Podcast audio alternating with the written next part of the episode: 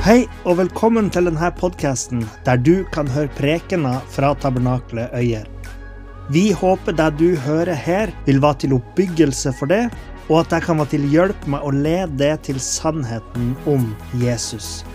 Hvis du ønsker å finne ut mer om oss, kan du gå inn på hjemmesida vår på tabernakletoyer.no.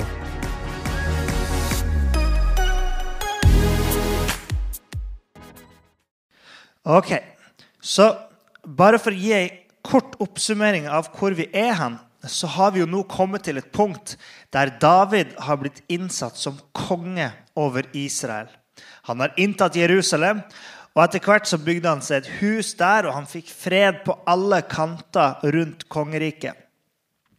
I 2. Samuels bok kapittel 7, altså den teksten som vi hadde forrige søndag, så fikk David et budskap fra Gud gjennom profeten Natan, der Gud sa i 2. Samuels bok kapittel 7, vers 12-15 Jeg skal reise opp ditt avkom som kommer etter deg fra ditt eget liv, og jeg skal grunnfeste hans kongedømme.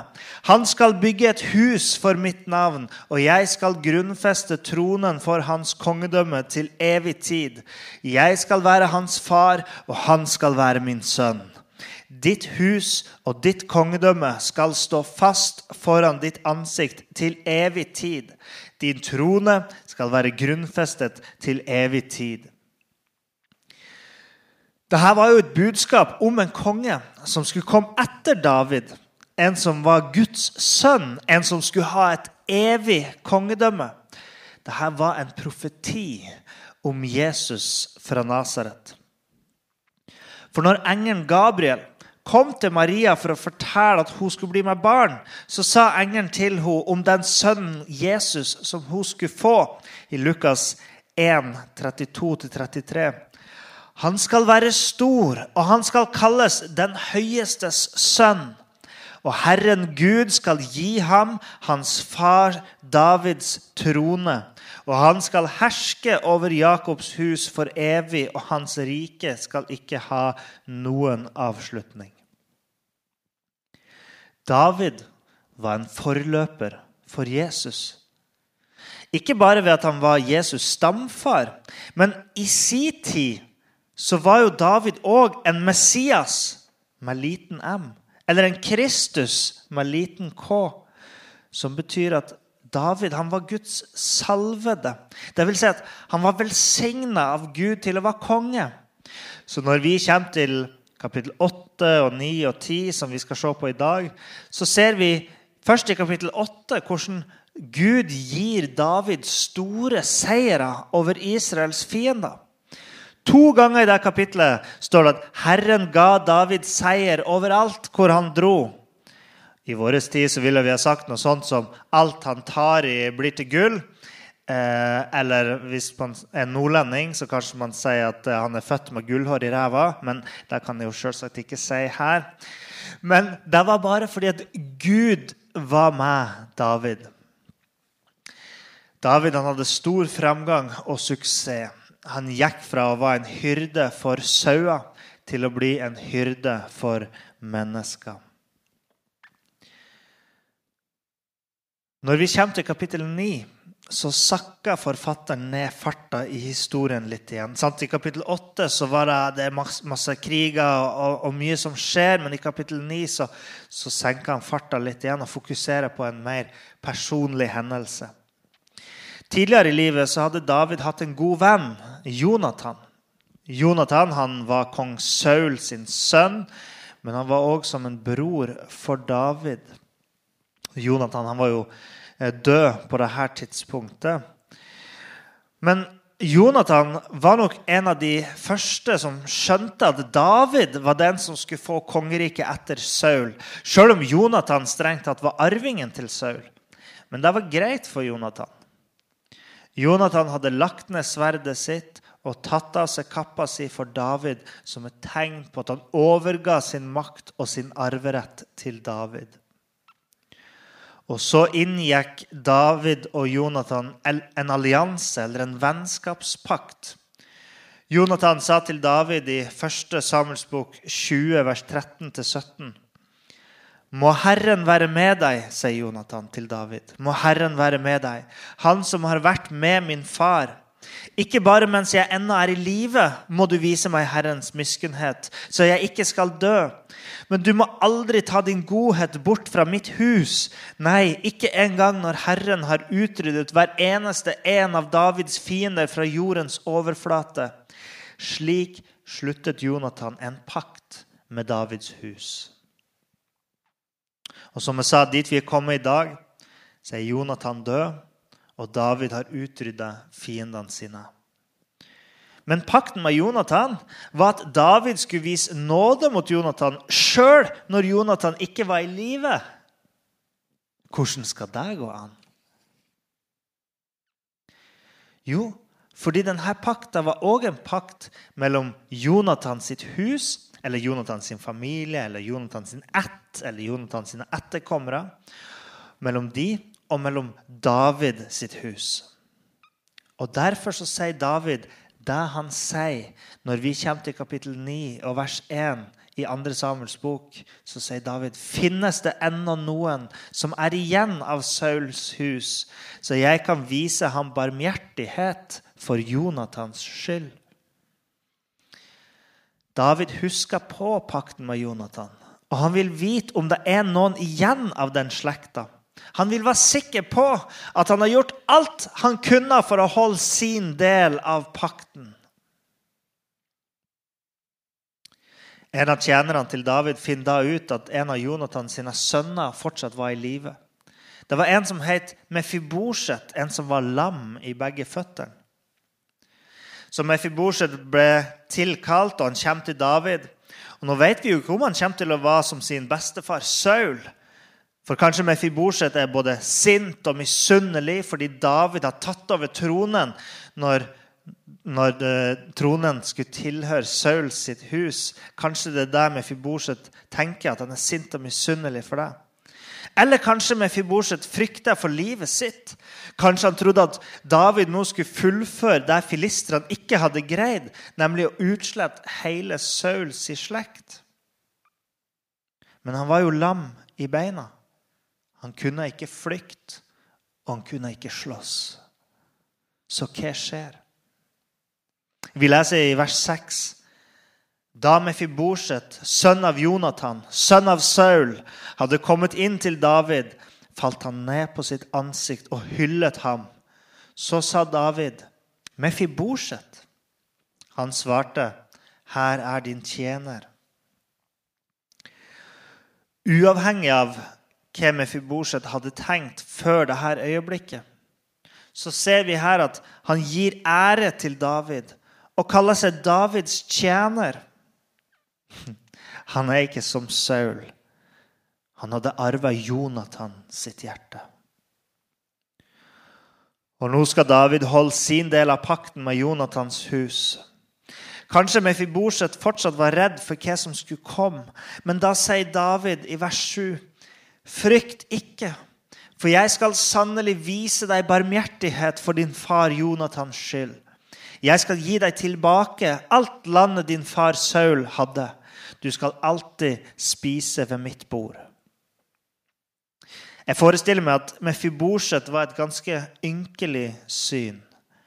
På den tida ville en som var lam, ikke være i stand til å verken jobbe eller å være soldat i hæren eller å, å, være med på å bygge, eh, bygge rike, bygge nasjon.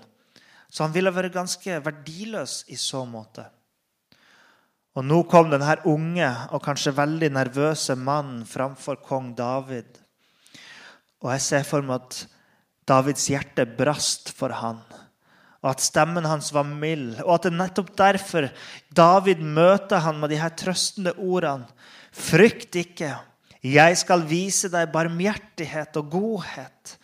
Når David sier at Mefiborset skal få et sete ved bordet, så må vi jo forstå betydninga av det her.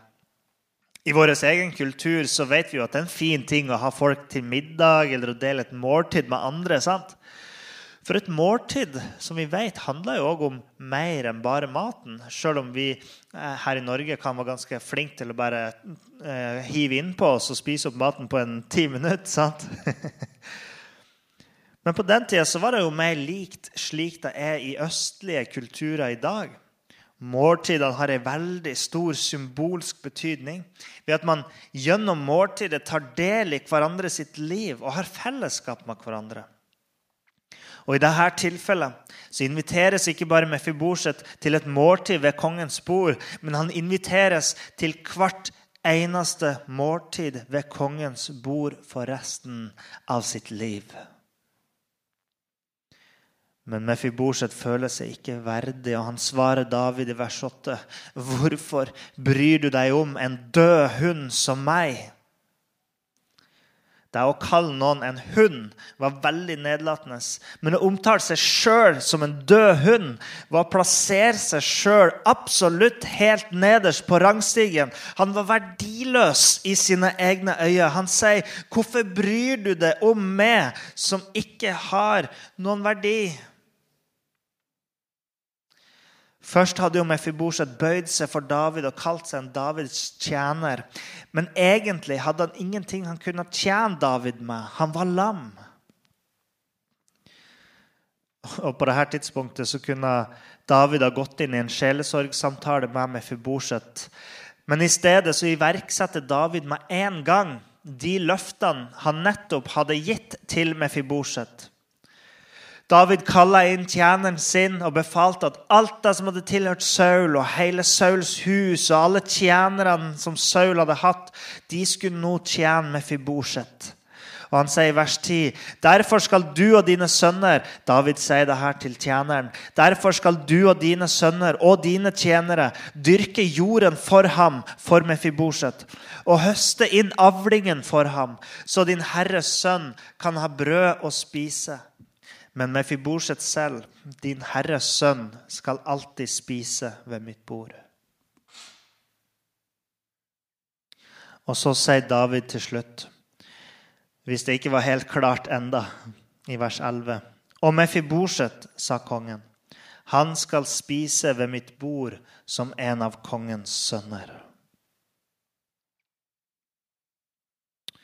Tre ting sier David til den lamme Mefiboset.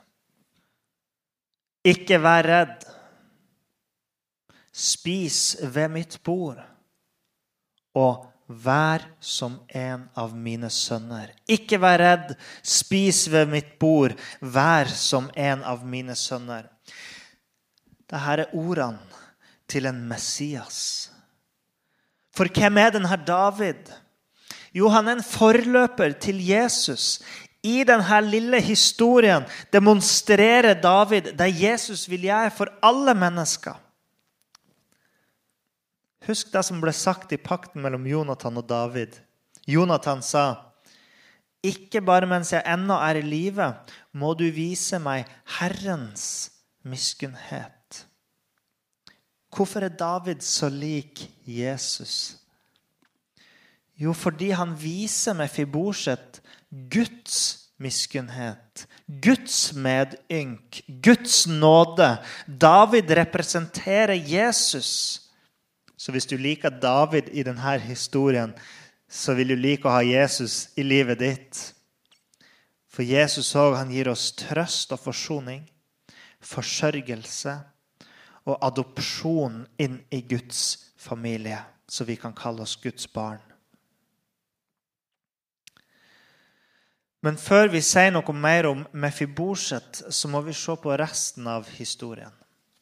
Det er fort gjort, og jeg tror det er mange som gjør det, at man stopper opp med historien om Mefiboset. Men forfatteren av andre Samuels bok han går videre og vil at vi skal følge med i kapittel, kapittel 10 òg.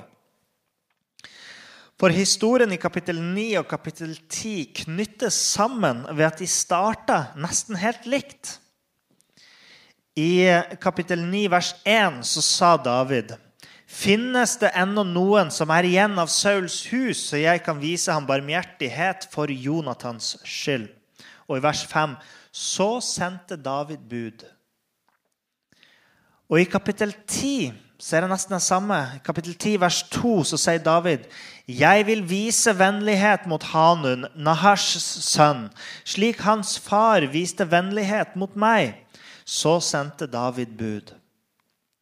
Så i begge historiene så er det at David han vil gjøre noe godt. Han vil vise barmhjertighet, vise vennlighet mot en som er sønn av en som er død. I første tilfelle eh, så er det sønn av Saul, sønn av Jonathan. Andre så er det sønn av Nahash. Så de her historiene begynner nesten helt likt. Eh, David har et ønske om å gjøre noe godt mot først med Fiborset og nå mot Hanun. Men kong Hanun nekta å ta imot dette tegnet på godvilje fra kong David. Og han responderte med å vanære og gjøre skam på David sine budbringere. Og det å vanære kongens budbringere var som om man gjorde skam på kongen sjøl, som om man spotta kongen sjøl, fordi budbringerne kom i kongens sted. Og Derfor så brøt det ut krig, og kong Hanun og hans allierte de tapte denne krigen mot Israel og endte med å enten bli drept i krig, mens noen de flykta, og de andre kongene de overga seg til David og ble hans vasaller og hans underståtter. De her to historiene står jo i sterk kontrast eh, til hverandre. Til tross for at de begynner på samme måte med en konge som ønsker å gjøre noe godt. Mefiborset var svak og maktesløs og skjønte ikke hvorfor David kunne finne på å være snill mot han. Men allikevel så falt han på kne for David, tok imot gaven hans og ble som en sønn for David. Så ble Mefiborset velsigna resten av livet og fikk et sete ved kongens bord. Hanun på den andre sida var sjøl en konge. Følte seg sterk nok til å kunne håne David og tok ikke imot det gode som David ville gjøre mot han. Og på grunn av det endte Hanun og hans allierte med å bli undertrykt. Som jeg har sagt allerede, så er David en forløper til Jesus. David var en Messias i sin tid. Men Jesus er hele verdens Messias. Jesus han fortalte en lignelse som handler om at han gir menneskene en invitasjon. Og Historien er veldig lik historien om Mefiborset og Hanun. Vi kan lese den i Lukas eh, evangelium kapittel 14, vers 16-24. Det var en mann det er Jesus som forteller. Det var en mann som ville holde et stort festmåltid og innbød mange. Da tiden for festmåltidet kom, sendte han tjeneren sin ut for å si til de som var innbudt, Kom, for nå er alt gjort ferdig. Men hver og en av dem begynte å unnskylde seg. Den første sa, Jeg har kjøpt et stykke jord, og jeg må gå og se på det. Jeg ber deg, ha meg unnskyldt. En annen sa, 'Jeg har kjøpt fem par okser, og jeg går nå for å prøve dem.' 'Jeg ber deg, ha meg unnskyldt.' Enda en annen sa, 'Jeg har tatt en kvinne til ekte, og derfor kan jeg ikke komme.' Tjeneren kom da tilbake og fortalte alt dette til sin herre. Da ble husets herre sint og sa til tjeneren.: Gå i hast ut på byens store og små gater og før inn hit de fattige, vanføre, lamme og blinde. Tjeneren sa, Herre, det er gjort som du befalte, og ennå er det rom. Da sa Herren til tjeneren, Gå ut på veiene og ved gjerdene og overtal folket til å komme inn, så huset mitt kan bli fullt. For jeg sier dere at ingen av de mennene som var innbudt, skal få ta del i festmåltidet mitt. De her historiene, både historien om Mefiborset og kong Hanun og denne lignelsen, de handler om vårt eget liv. For vi kan havne i én av to kategorier. Vi kan være de som takker ja til invitasjon til å få et sete ved bordet. Vi kan være den fattige, den vanføre, den lamme og den blinde og alle de som blir overtalt til å komme inn, slik som Mefiboset. Dette er de som bøyer kne for kongen, de som innser at de er ikke verdige til å ta imot kongens gaver. Dette er de ydmyke, de som får se hvor fantastisk det er å bli en del av Guds familie. David sa til Mefiborset at han skulle ikke være redd, at han skulle få spise ved kongens bord, og at han skulle være som kongens egne sønner. Og Jesus sier til oss, til meg og det, at du trenger ikke å være redd. Du trenger bare å stole på Han og ta imot. Sånn som David trøsta med Fiborset med å si at han ikke trengte å være redd, så sier Jesus til oss i Lukas 12, 32. Vær ikke redd, du lille flokk, for det er deres fars gode vilje å gi dere riket. Gang på gang i Bibelen sier Gud 'frykt ikke'. Det gjorde òg Jesus. Ikke vær redd, bare stol på Jesus. Frykt ikke. Bare tro på meg. David ga Mefiboset rett til å bli som hans egen sønn. Og Hele tida snakker Jesus om Gud som vår far i himmelen. Og det står at eh, i Johannes 1,12.: Hver den som tok imot Jesus, ga han rett til å bli Guds barn. Vi kan bli en del av Guds familie, der vi kan få lov til å kalle Gud vår far, Abba. Og David ga Mefiboset et sete ved bordet, så han kunne spise med kongen. Og Mye av det som står skrevet om Jesus, det skjer omkring måltider. sant? Han spiste sammen med mennesker, gjerne mennesker som på en eller annen måte ligner på Mefiboset. Jesus er den kongen i lignelsen som inviterer til festmåltid. Og han har òg invitert oss til festmåltid sammen med han. Sjøl om vi føler oss ubrukelig og uverdig, så kan vi takke ja til denne invitasjonen og få et sete ved kongens bord i hans evige kongerike som adopterte sønner og døtre. Jeg sa at det var to alternativ. Det andre er at vi kan være de som takker nei til invitasjon. Vi kan være de som er opptatt med sitt eget. De som føler at de har nok allerede. De som ikke trenger Guds godhet, sånn som Hanun, som i sin stolthet spotter David. Dette er de som nekter å ta imot invitasjon. De som heller vil være konge i sitt eget liv. De som tror at de er sterke. De, de som ikke stoler på Gud det er de som vil kjenne på hva det vil si å havne utafor Guds rike. Hanun var invitert, men han nekta å ta imot. Og Sånn er det òg med mange andre mennesker. Sjøl om Gud strekker ut sin hand i kjærlighet, så håner de Jesus. Noen ganger gjennom, gjennom at de håner oss eller de kristne, vi som er hans budbringere.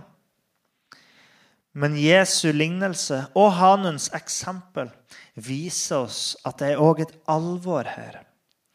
Nemlig at hvis man avslår denne invitasjonen til festmåltid, så vil man gå glipp av de gode gavene som Gud vil gi til oss.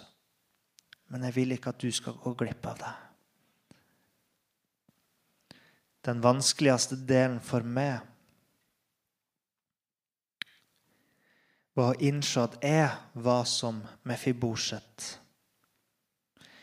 Hvis jeg ikke hadde takka ja til et sete ved Jesu bord, så ville jeg fortsatt ha vært åndelig paralysert, åndelig lamma, hjelpeløs, verdiløs. Men hos Han har jeg alltid et heim, et evig liv sammen med denne kongen som forsørger meg. For alle mennesker trenger en frelser som Jesus, han som leger kropp og sjel.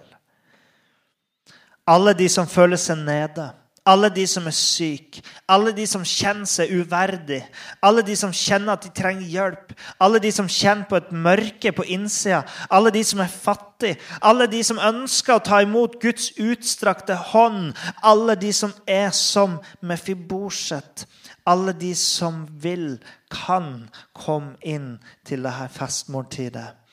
Bare vit at du er invitert.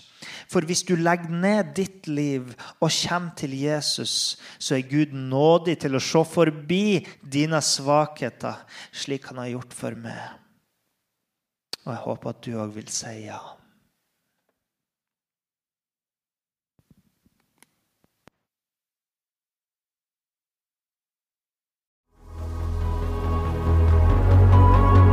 Takk for at du hørte på.